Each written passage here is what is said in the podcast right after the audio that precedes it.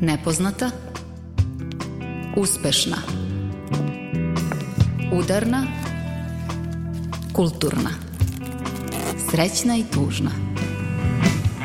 Žena u kutiji Dobar dan, slušate Ženu u kutiji na talasima Radio Novog Sada. Ja sam Tamara Srijemac, za ton emisije zadužena koleginica Sabina Nedić. Očekujemo da će današnje teme makar malo da vas motivišu da preispitate neke svoje vrednosti.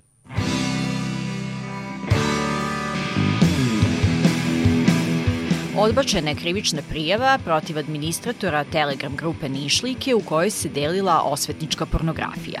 Autonomni ženski centar je ovu odluku tužilaštva nazvao poražavajućom i podsjeća na neophodnost definisanja ovog dela kao krivičnog nama fali ta bazična kultura šta je dozvoljeno, šta nije, šta smemo da radimo, šta ne smemo.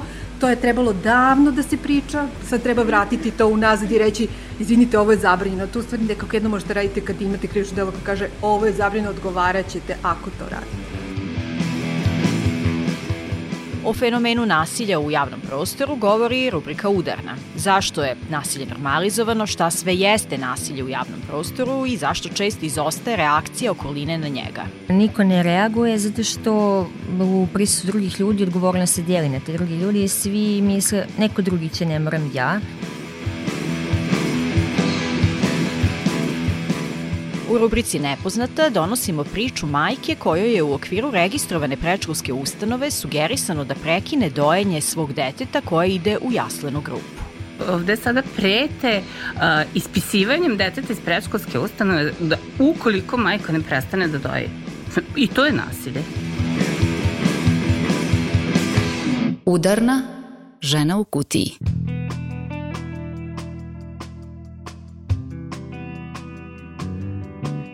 Nekoliko puta smo se u ženi u kutiji bavili fenomenom osvetničke pornografije i zloupotrebe intimnih snimaka.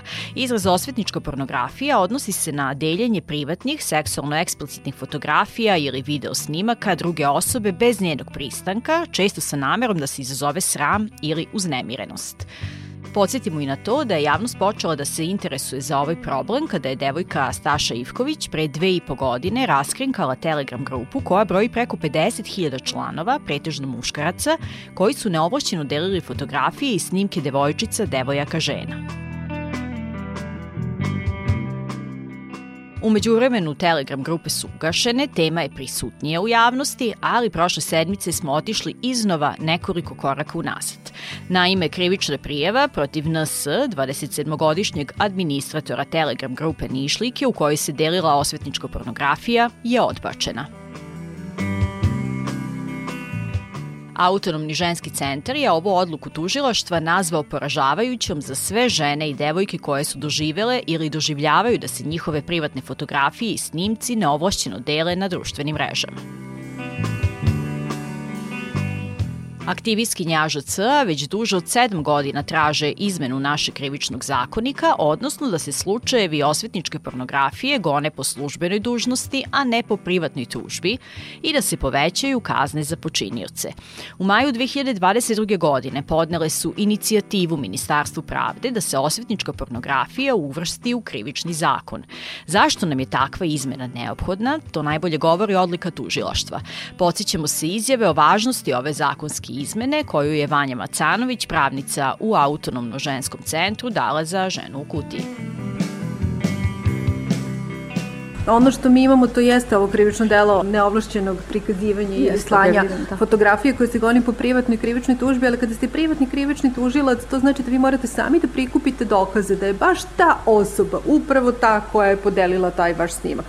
Kada ste sa ove druge strane kao oštećeni, kao žrtva, vi to teško možete da uradite, zato što morate da postavite e, poprilično dobra tehnološka IT znanja da bi mogli da idete unazad i da istražujete, za razliku od toga kad se nešto goni po službenoj dužnosti, onda tužilaštvo ima sredstva, ima policija za visokotehnološki kriminal, imaju jel te, stručnjake IT sektora koji tamo rade, koji će onda da zaplene taj telefon, kompjuter, šta god, i da sa izvora povuku i vide da li je je stvarno ta osoba to poslala, a vi morate da idete unazad da bi to dokazali. I to je jedna nemoguća pozicija kada ste privatni krivični tužilac i mi smo imali žene koje su imale sredstava da pokrenu tu vrstu postupaka, ali nisu uspele.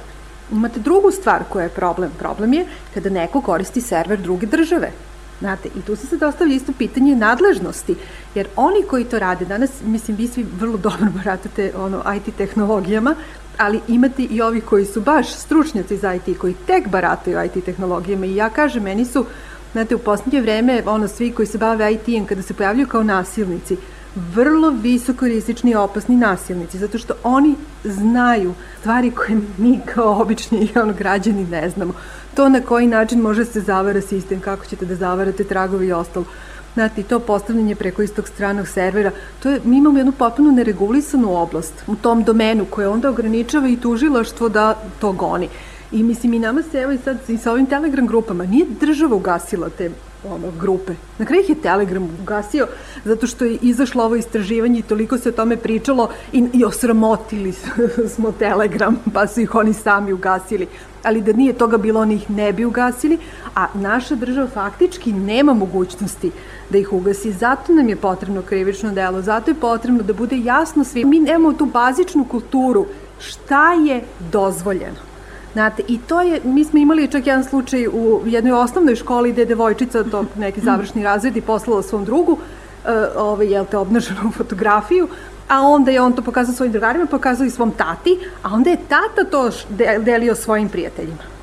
Znate, e to je strašno, zato što ne samo što deca ne razumeju do koje mere ne sme da se deli nečije fotografije, posebno tako intimno sadržaje bez saglasnosti, nego što onda to urede i odrasli. I to je problem. Nama fali ta bazična kultura šta je dozvoljeno, šta nije, šta smemo da radimo, šta ne smemo. To je trebalo davno da se priča, po školama definitivno, ali to je nekako propušteno i sad treba vratiti to unazad i reći, izvinite, ovo je zabranjeno. Tu stvari nekako jedno možete raditi kad imate krivično delo koji kaže ovo je zabranjeno, odgovarat ćete ako to radite.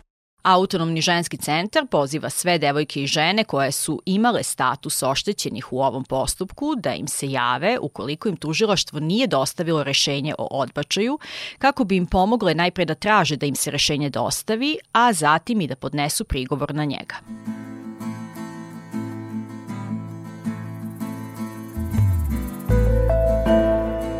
Muzički deo emisije krećemo novitetom. Slušamo kako zvuči kada slovenački muzičar Manifiko i Ana Đurić Konstrakta udruže snage. Njihov zajednički singl pod nazivom Put komponovan je za film Dragana Bilogrlića, Čuvari formule, koji je nedavno imao svoju premijeru. Dobra volja čini solidan put, kaže jedan od stihova u pesmi koji nam može poslužiti i kao poruka za priču koju smo malo prečuli. Znam solidan put приятелю мой.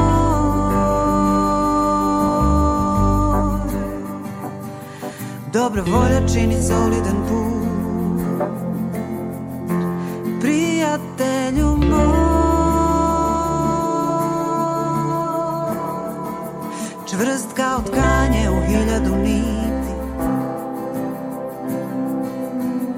Prva drži drugu, druga prvo vodi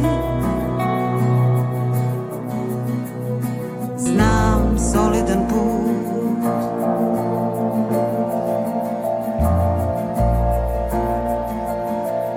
Evo tu sam, ja ću ti pomoći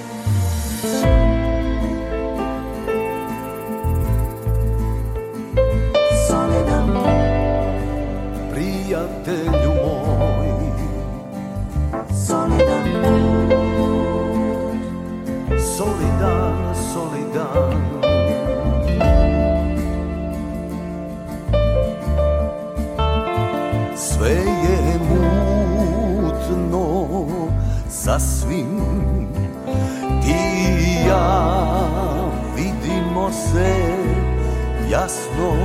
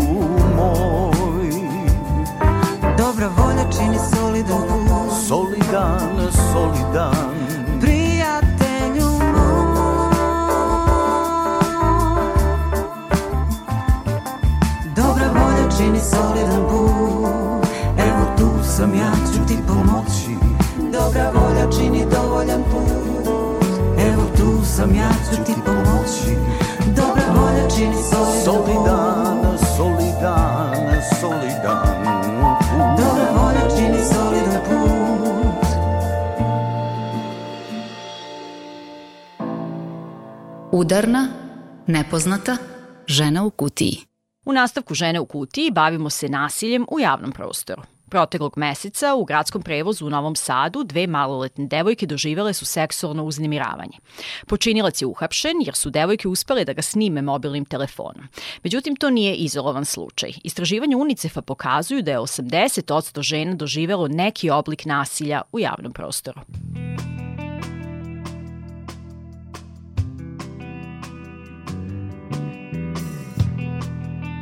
Javni prostor podrazumeva svaki prostor koji slobodno mogu da koriste svi članovi i članice neke zajednice. O fenomenu nasilja u javnom prostoru, o tome zašto se osjećamo nebezbedno u mračnim ulicama, autobusima, železničkim stanicama, zašto je nasilje u javnosti normalizovano za ženu u kutiji, govori vanredna profesorka na Filozofskom fakultetu u Novom Sadu, psihološkinja Bojana Dinić.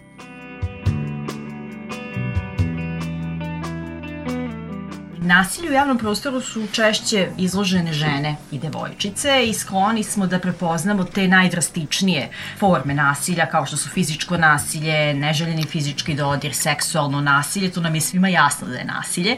Međutim, nasilje u javnom prostoru je mnogo širi fenomen, a, tako da bih volila da krenemo od toga. Šta sve jeste nasilje u javnom prostoru? E, Pa nasilje u javnom prostoru može poprimiti čitavu lepezu, oblika od lakših ka težim, na primer zurenje, ono što mi možda ovako kažemo u, u ovaj žargonu, skidanje pogleda, dakle to neprijatno zurenje, piljenje, onda gledanje popreko, dobacivanje, vređanje, zviždanje za nekim, uhođenje, pokazivanje intimnih delova tela, neželjeno dodirivanje, štipkanje i naravno ono što je očiglednije razbojništvo i fizički seksualni napadi. Veliki broj žena upravo ima iskustvo svega ovoga što ste vi spomenuli, dobacivanje na ulici, zurenja, vikanje i nisu sve žene to osvestili niti definisali kao nasilje. E, šta je u koranu te vrste pomirljivosti i normalizacije nasilja? Pa u prvom planu bih istakla sociokulturne činioce koji se odnose na još uvek e, dominantni patriarhalni sistem vrednosti kod nas, koji je povezan sa većom tolerancijom nasilja generalno, uključujući i nasilje prema ženama. Dakle, u patriarhalnom sistemu žena ima podređeni položaj, dok je muškarac u većoj poziciji moći. Upravo ovakva neravnoteža moći čini da žene neke oblike nasilja prihvataju kao neminovne, da se moraju navići na neke oblike uznemiravanja, iako im je neprijetno jer je to deo tradicije, da tako kažem, dok muškarci kao taj patriarhalni sistem vrednosti im nekako kao da je prava na to da mogu da ispoljavaju nasilje na ženama. Tako da bih istakla zapravo društvene faktore, sociokulturne činjenice prvi plan, ali pored toga moram reći i to da izostajanje adekvatne reakcije institucije šalje zapravo poruku da nasilje može proći nekažnjeno i da zapravo nema adekvatne podrške za žrtve, što opet šalje poruku da to što se dešava nije važno, tako da se time još dodatno nasilje normalizuje. Da, i ja mislim da je svaka devojčica ovde koja je odrasla u, u našem društvu odrastala zapravo sa strahom od mračnih ulica i roditelji nam čim krenemo negde upravo govore one rečenice, izbegavaj mračne ulice, nemoj sama, neka te neko doprati, javi se obavezno kada stigneš i tako dalje i tako dalje. Odrastamo sa tim strahom, sa strahom da je nasilje moguće, da je nasilje realno, e, koliko to kasnije, ali i tada u samom procesu odrastanja utiče na, na kvalitet kvalitet života. Pa da, zanimljivo je što se sva odgovornost nekako prebacuje na žene, da žena pazi gde ide, gde se kreće, šta nosi, da bude oprezna, zapravo ona nije odgovorna za to. Ovde o, dva nivoa posledice su ključna. Prvi bi bio taj e, lični nivo koji pogađa same žene. Dakle, e, taj strah i izbjegavanje potencijalno opasnih prostora, ograničava slobodu kretanja i korišćenje javnog prostora, samim tim smanje mogućnost njihovog učestvovanja u društveno-kulturnom i javnom životu, generalno rekreativnim aktivnostima, budući da su i takvi javni prostori koji su posvećeni rekreaciji takođe potencijalna opasnost.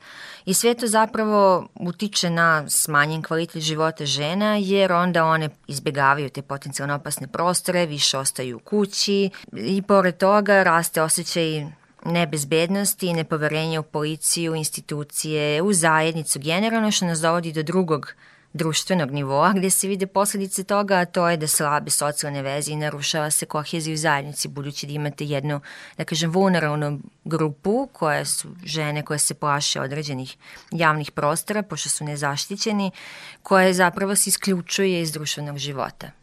Tako. Da, ispomenuli ste već e, na početku ovog odgovora kako se zapravo teret krivice nekako i odgovornost prebacuje na ženu, da žena ne treba, odnosno devojka, devojčice da ide mračnim ulicama i dolazimo u situaciju da žena počinje da veruje da je sama zapravo kriva za nasilje koje joj se dešava, zato što evo, najbanalnije da kažemo, da žena nije šetala mračnom ulicom, ne bi joj se desilo to što joj se desilo ili da nije nosila prekratku suknju, ne bi izazvala, uslovno rečeno, određeni e, napad. Dakle, to je ono što mi kao društvo negujemo, takav sistem vrednosti da teret krivice prebacujemo na ženu i onda bih volila da tu još jednom pocrtamo i podvučemo zašto zapravo žena nije kriva za nasilje koje joj se desilo i šta je pravi razlog tog nasilja. Pa uvek je odgovornost za nasilje zapravo pripada osobi koja je nasilna, koja je počinila nasilje. Dakle, ne može žrtva biti odgovoran za nasilje, to je nekako osnovno, da kažem, pravilo ko je odgovoran za nasilje.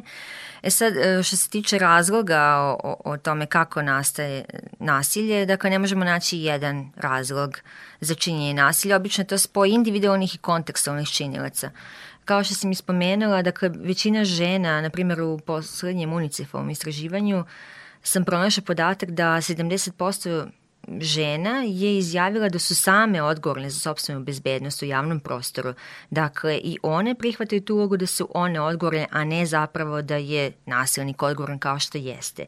A kada govorimo o javnom prostoru konkretno, tu, da kažem, odgovornost mora da se prebaci i na e, strukturne činioci, konkretno na infrastrukturu prostora, dakle, kako je prostor javni uređen, da li je dovoljno osvjetljen, da nije prenaseljen, da postoji pojačan nazor policajci, na primjer, ključim mestima, kao što su autobuska stajališta i tako dalje, i naravno odgovornosti i na institucijama i policiji koja bi trebala da obezbedi bezbedno i slobodno kretanje u javnom prostoru i na samoj zajednici koja ne bi smela da toleriše ili ignoriše nasilje.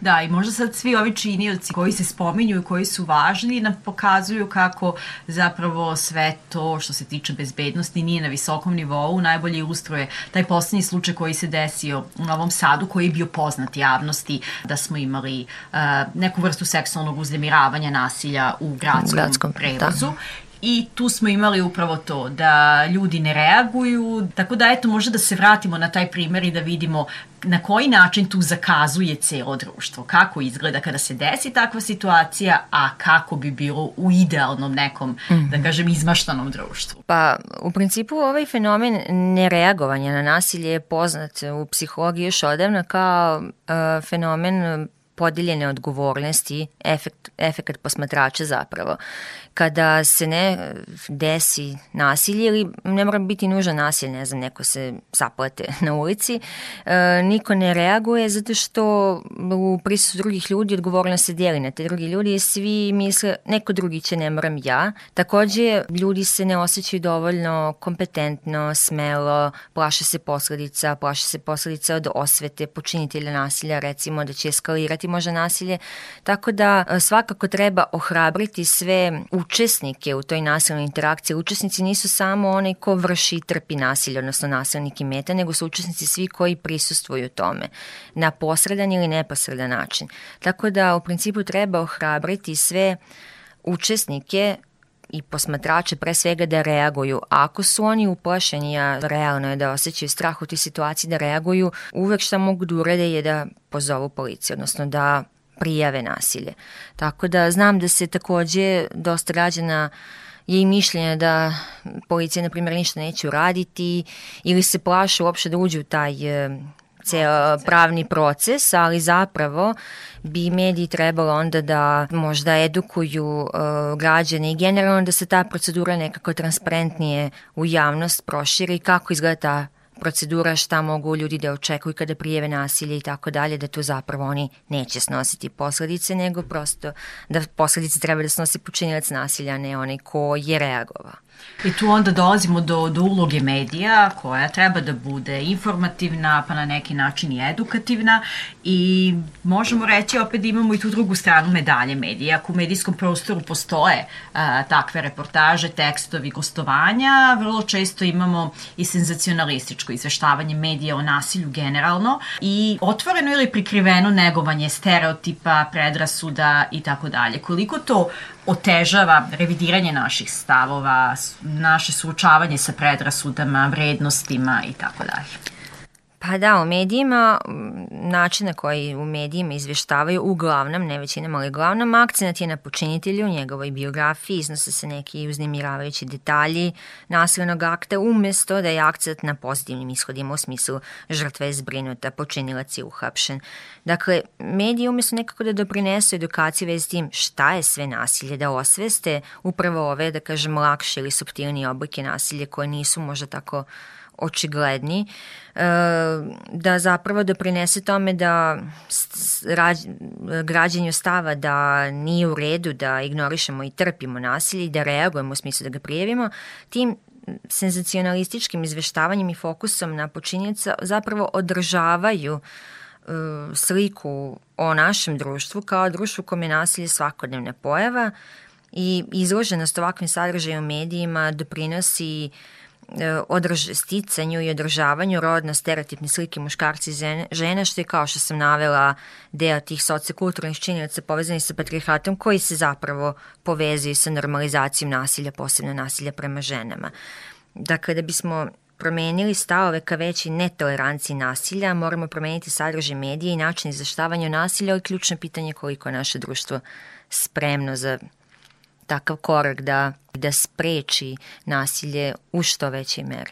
Da, i e, kada govorimo o nasilju prema ženama i uopšte nasilju u javnom prostoru, moramo da istaknemo da su posebno ugrožene e, grupe koje su višestruko diskriminisane. To su lezbijke i uopšte žene koje nisu heteroseksualne orijentacije, žene romkinje, žene sa invaliditetom. E, zašto je važno da, da stavimo fokus i na njih i da kada govorimo o ovom fenomenu istaknemo i specifično specifičnosti svih tih grupa žena? Pa u principu žene su u slučaju nasilja vulnerabilna grupa, a onda dodatno još imate tu višestruku, da kažem, diskriminaciju ako pripadate i ovim još isto termin jeste vulnerabilne grupe, ali sada se naginje ka tome da se kaže da bi to trebalo da budu zaštićene grupe, ne vulnerabilne grupe, da bude ipak fokus na njihovom osnaživanju. Tako da u suštini nasilja prema ovim grupama, kao što ste rekli, uh, seksualnim manjinama, uh, romkinjama, osobama sa invaliditetom, je zbog postojanja predrasude i diskriminacije prema ovim grupama. Na primjer, osobe koje pripadaju seksualnim manjinama su u dodatnom riziku jer iskaču iz tipične rodne uloge, zbog čega ih članovi zajednice koji su, na primjer, e, više skloni patriarhalnim vrednostima odbacuju do nivoa da žele da ih odstrane uklone iz zajednice, te se na njima vrši nasilje. Generalno postojanje predrasuda, podstaknute, koje su podstaknute ovaj, razvijenim uh, stereotipnim rodnim ulogama kod nas bi bile možda neka, neki koren i ovog nasilja. I da li možemo onda baš prema tretmanu društva prema tim grupama da opet izvedemo taj zaključak da, da društvo nije spremno da se do kraja suoči sa nasiljem. ako baš ako deluje pesimistično, ja verujem da, da jeste, pogotovo mlade generacije, mislim da su oni više, više su osvešćene ovim problemima za razliku od e, nas starih i naših roditelja. Veliki korak treba da se napravi. Nije dovoljno samo doneti zakone koji kod nas jesu doneti ili su u razvoju, da se donesu, treba zapravo osvestiti još u najranijem periodu obrazovanja postojanje, na primjer, rodna zastava nasilja. Dakle, kad se krene sa pričom o ljudskim pravima, tu je mesto i da se krene sa pričom, recimo, rodna zastava nasilja, koje je kršenje ljudskih prava. Da li nam je u tom kontekstu potrebno i seksualno obrazovanje u školama? Naravno da jeste, upravo iz razloga zato što, pa i mislim i naši učbenici uh, i edukativni materijal je pun sadržaja koji zapravo podkrepljuje rodno stereotipnu sliku muškarca i žene. Primjeri rodne neravnopravnosti se mogu vidjeti i u našim e, edukativnim materijalima, tako da bi trebalo krenuti tih sistemskih vaspitno-obrazovnih mera da se još u najranijem periodu razvoja edukuju deca o, o rodne ravnopravnosti u okviru ljudskih prava i drugih tema, tako da na taj način onda možemo se nadati nečem boljem. Ali to znači i ozbiljnu reviziju ili bar veći kritički osvrt na postojeći edukativni sadržaj. I vola bih da, da završim ovaj razgovor sa pričom o digitalnom prostoru kao neka vrsta javnog prostora. Da li ga možemo tako nazvati? Tu sad jeste tema za sebe i mogli bismo novo gostovanje na temu nasilja u digitalnom prostoru, ali e, da li možemo taj digitalni prostor da sagledamo kao odraz, odnosno refleksija e, ovog realnog prostora u smislu da li kada čitamo različite komentare na društvenim mrežama, ispod tekstova, gde je takođe vidljiva ta mizoginija u našem društvu. Da li možemo reći da je to odraz društva ili je to neki potpuno drugi svet za sebe? Digitalni prostor može biti isto javni i privatni kao i da kažem offline prostor. Kada govorimo o javnom digitalnom prostoru, iako on naravno ima puno prednosti e, i pruža mogućnost komunikacije, sticanja znanja i tako dalje, može biti i prostor ispoljavanja nasilja, govora mržnje, diskriminacije, Naime, digitalni prostor pruža mogućnost anonimnosti za počinjivca nasilja, plus zbog nedostatka direktnog kontakta sa drugim ljudima, licem u lice, postoji distanca prema sagovornicima i metama nasilja, što sve zajedno dovodi do veće dehumanizacije za žrtve. Dakle, kao da oni ko vrši nasilje zaboravlja da priča sa drugom osobom i da komentariše drugu osobu i tako u digitalnom prostoru se ljudi lakše dezinhibiraju, tako da možemo reći da komunikacija kako postoji u offline okruženju, u online okruženju je samo još više pojačana. Bilo negativna ili pozitivna, ali sada eto pričamo o toj negativnoj strani. I onda, ajde, da ne bude da završavamo ceo ovaj razgovor sa tom negativnom stranom, volim da tražimo neki optimizam i da damo neki savet u kontekstu cele ove teme. Šta može svako od nas da uradi da bismo se, eto, makar za mrvu pomerili ka nekom boljem društvu?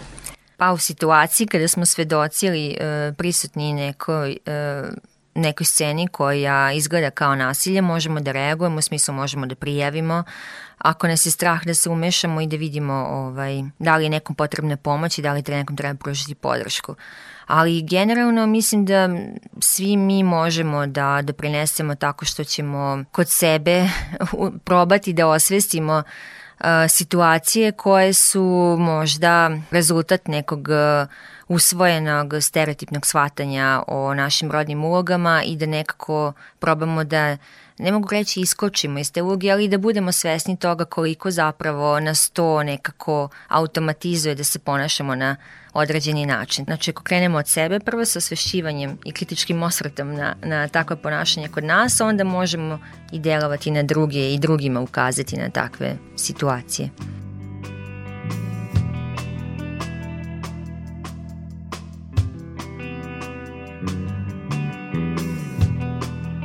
Za ženu u kutiji govorila psihološkinja Bojana Dinić i poruka koja jeste važna, osvestimo najpre sobstvene predrasude. Seksualno i svako drugo nasilje možete prijaviti bilo kojoj policijskoj stanici na broj 192, a jedinstveni SOS telefon za Vojvodinu za pružanje psihološke podrške i pomoći je 0800 10 10 10.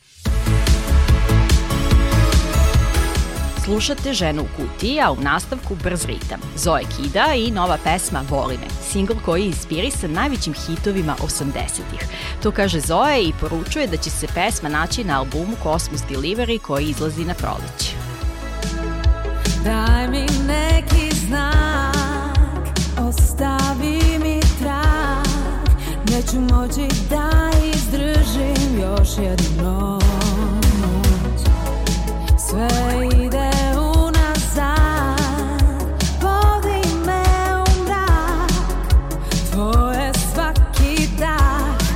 još jedna moja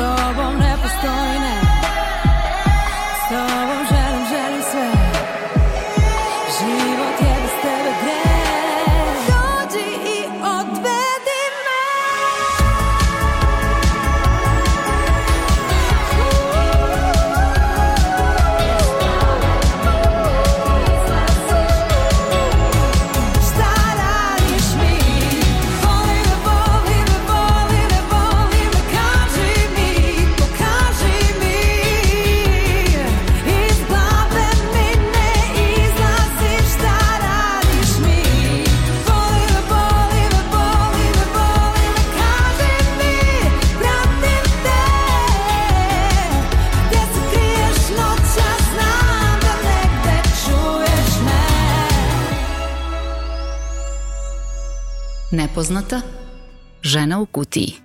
Rubrika Nepoznata spaja reči roditeljstvo, dojenje, predrasude, nasilje i diskriminaciju. Da krenemo redom. Sagovornici žene u kutiji, doktorki specijaliskinji pedijatrije Vanji Kurjakov, jedna majka je skrenula pažnju da joj je u okviru registrovane prečkolske ustanove sugerisano da prekine dojenje svog deteta koje ide u jaslenu grupu. Uz zaštitu identiteta majke i na otkrivanja o kojoj je prečkolskoj ustanovi reč, doktorka Kurjakov je izveštaj postavila na svoju Instagram stranicu trudničke priče na kojoj se mogu naći razne stručne informacije kao podrška roditeljstvu. U izveštaju stoji da vlasnica prečkolske ustanove insistira da majka prekine dojenje jer ometa grupu dece koja treba da spava, zatim da dete mora da spava samo kod kuće nikako u blizini roditelja, da vrata od dečje sobe budu zatvorena u savet da dete prestane da sisa jer se dojenjem razvaljuje njegov želudac. Ja sam postavila moj izveštaj, kako si rekla, sa zaštićenim podacima iz jednog uh, ličnog revolta, ličnog i profesionalnog revolta. Nisam verovala da će izazvati baš takvu lavinu reakcije, da će se a, toliko žena odvažiti da konačno kaže svoju priču.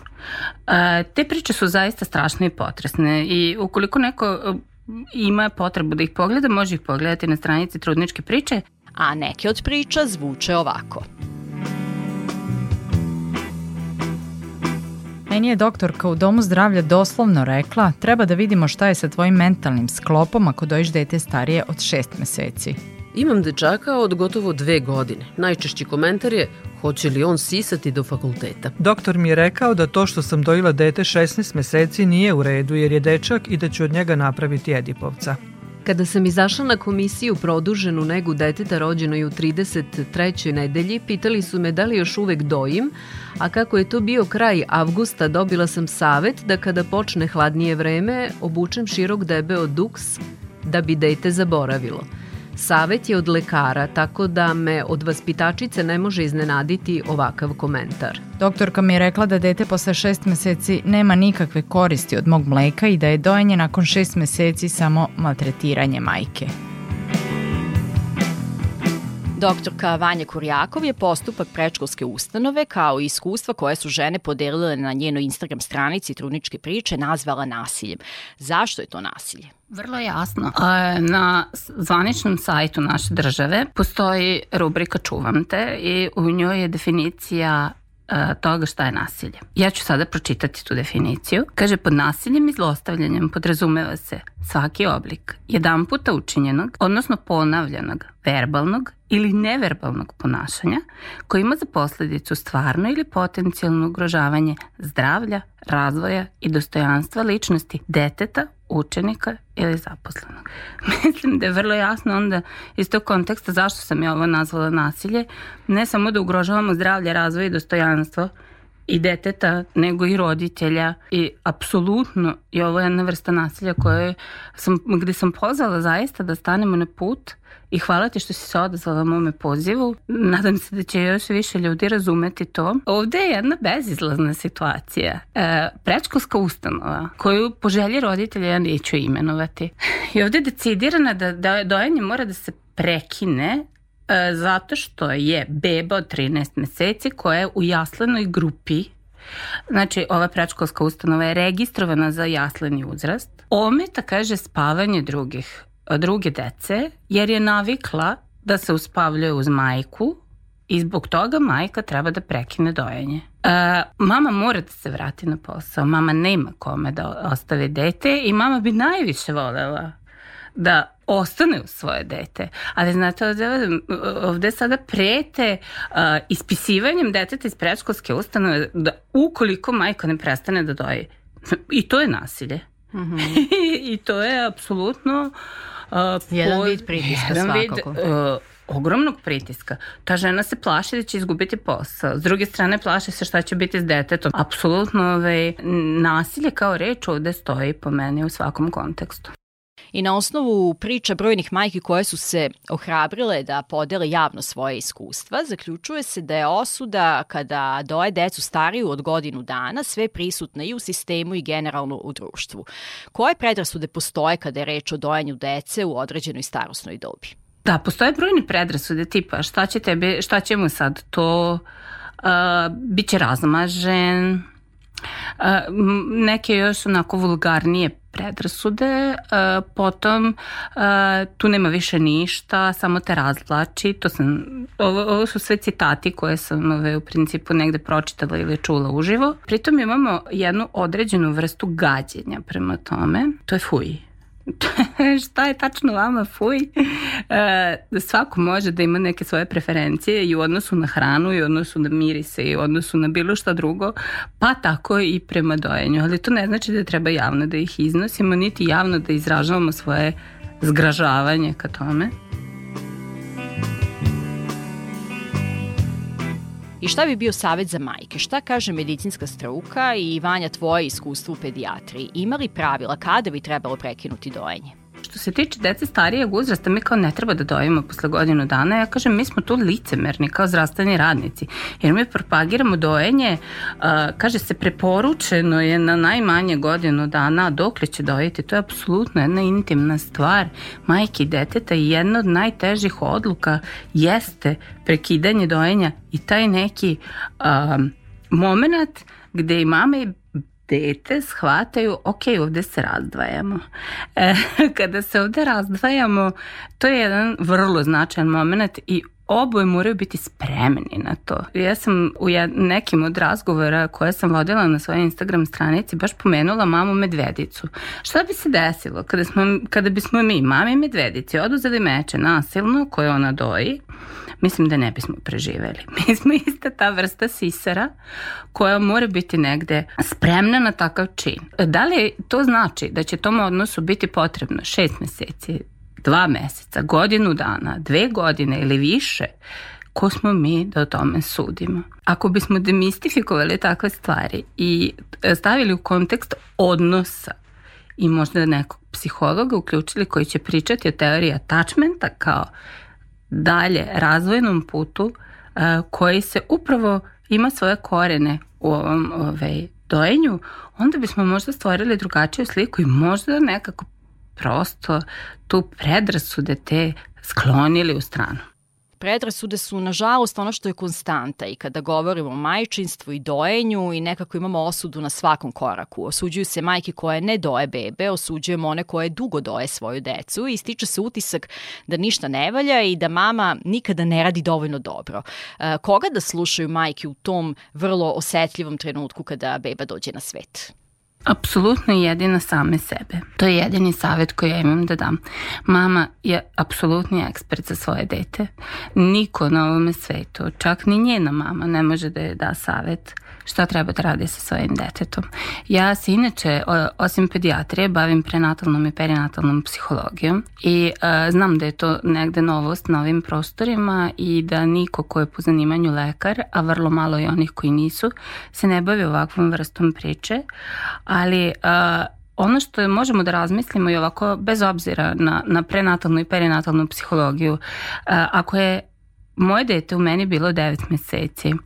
Nemoguće je da me nije dotaklo. Niti je moguće da ja ne osjećam to dete kao deo svoga tela.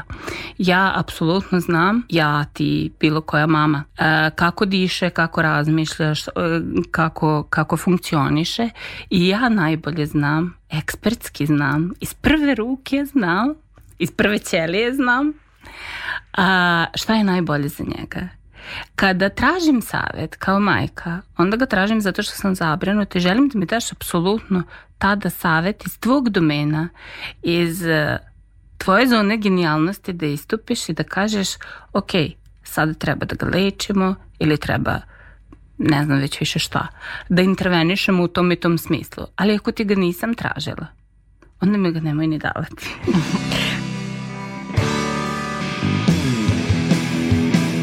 Hvala Vanja na ovom savetu i na priči. Za ženu u kutiji govorila doktorka Vanja Kurjakov, specijaliskinja pedijatrije. A više informacija o prenatalnoj i perinatalnoj psihologiji možete pronaći na Instagram stranici Trudničke priče. Hvala svima vama koji slušate Žena u kutiji. Za ton današnje emisije zadužena koleginica Sabina Nedić, ja sam Tamara Srijemac. I za kraj jedna pesma sa svrhom i sa posvetom. Sastav Pavel iz Hrvatske objavio je pesmu za nju u saradnji sa Fondom za žene Zaklade Solidarna, koji pomaže ženama da izađu iz kruga nasilja. Međutim, to nije protestna pesma, kažu. Ona je o ljubavi, nadi, putovanju, o zaštitničkoj snazi majčinstva. To je izjavio autor pesme Aljoša Šerić. Kako kaže, ovo je pjesma o majici koja je s kćerkom pobjegla iz nasilne veze. Ovo je pjesma koja ima sretan završetak, a nadam se da će takav isti imati sve majke i djeca koje se nalaze u nasilnom i nesretnom kućanstvu. Inače, deo tantijema od emitovanja pesme ide namenski na račun Fonda za žene. Slušamo za nju. Doviđenja.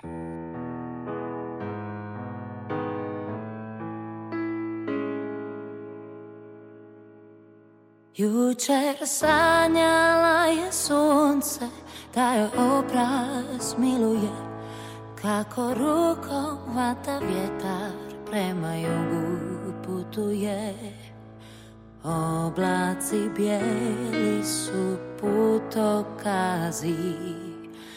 Nebo je to znalo kud prolazi. Nose miris putovanja Ovi dani proljeća Blijedi motrica na licu Više je ne osjeća. Oblaci bijeli su putokazi. Nebo je to znalo Kud prolazi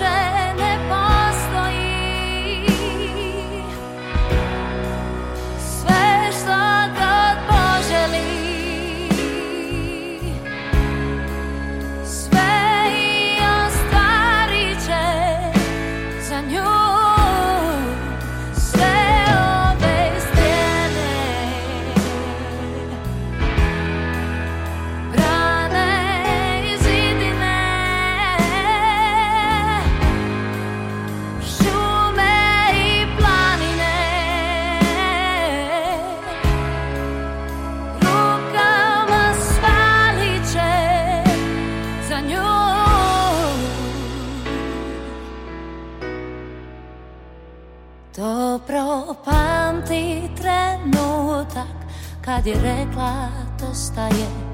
Nježni stisak malé ruke Dovoljno da ustraje Oblaci bijeli su putokazi Nebo je to znalo Put prolazi U,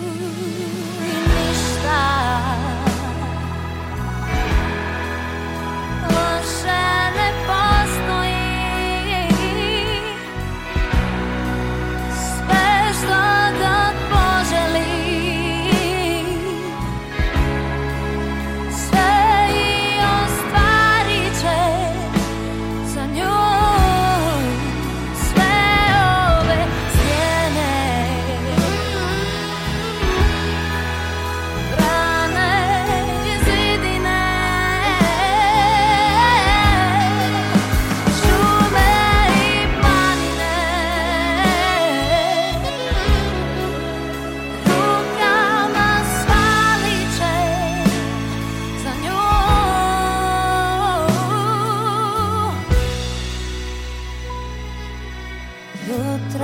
satisfied.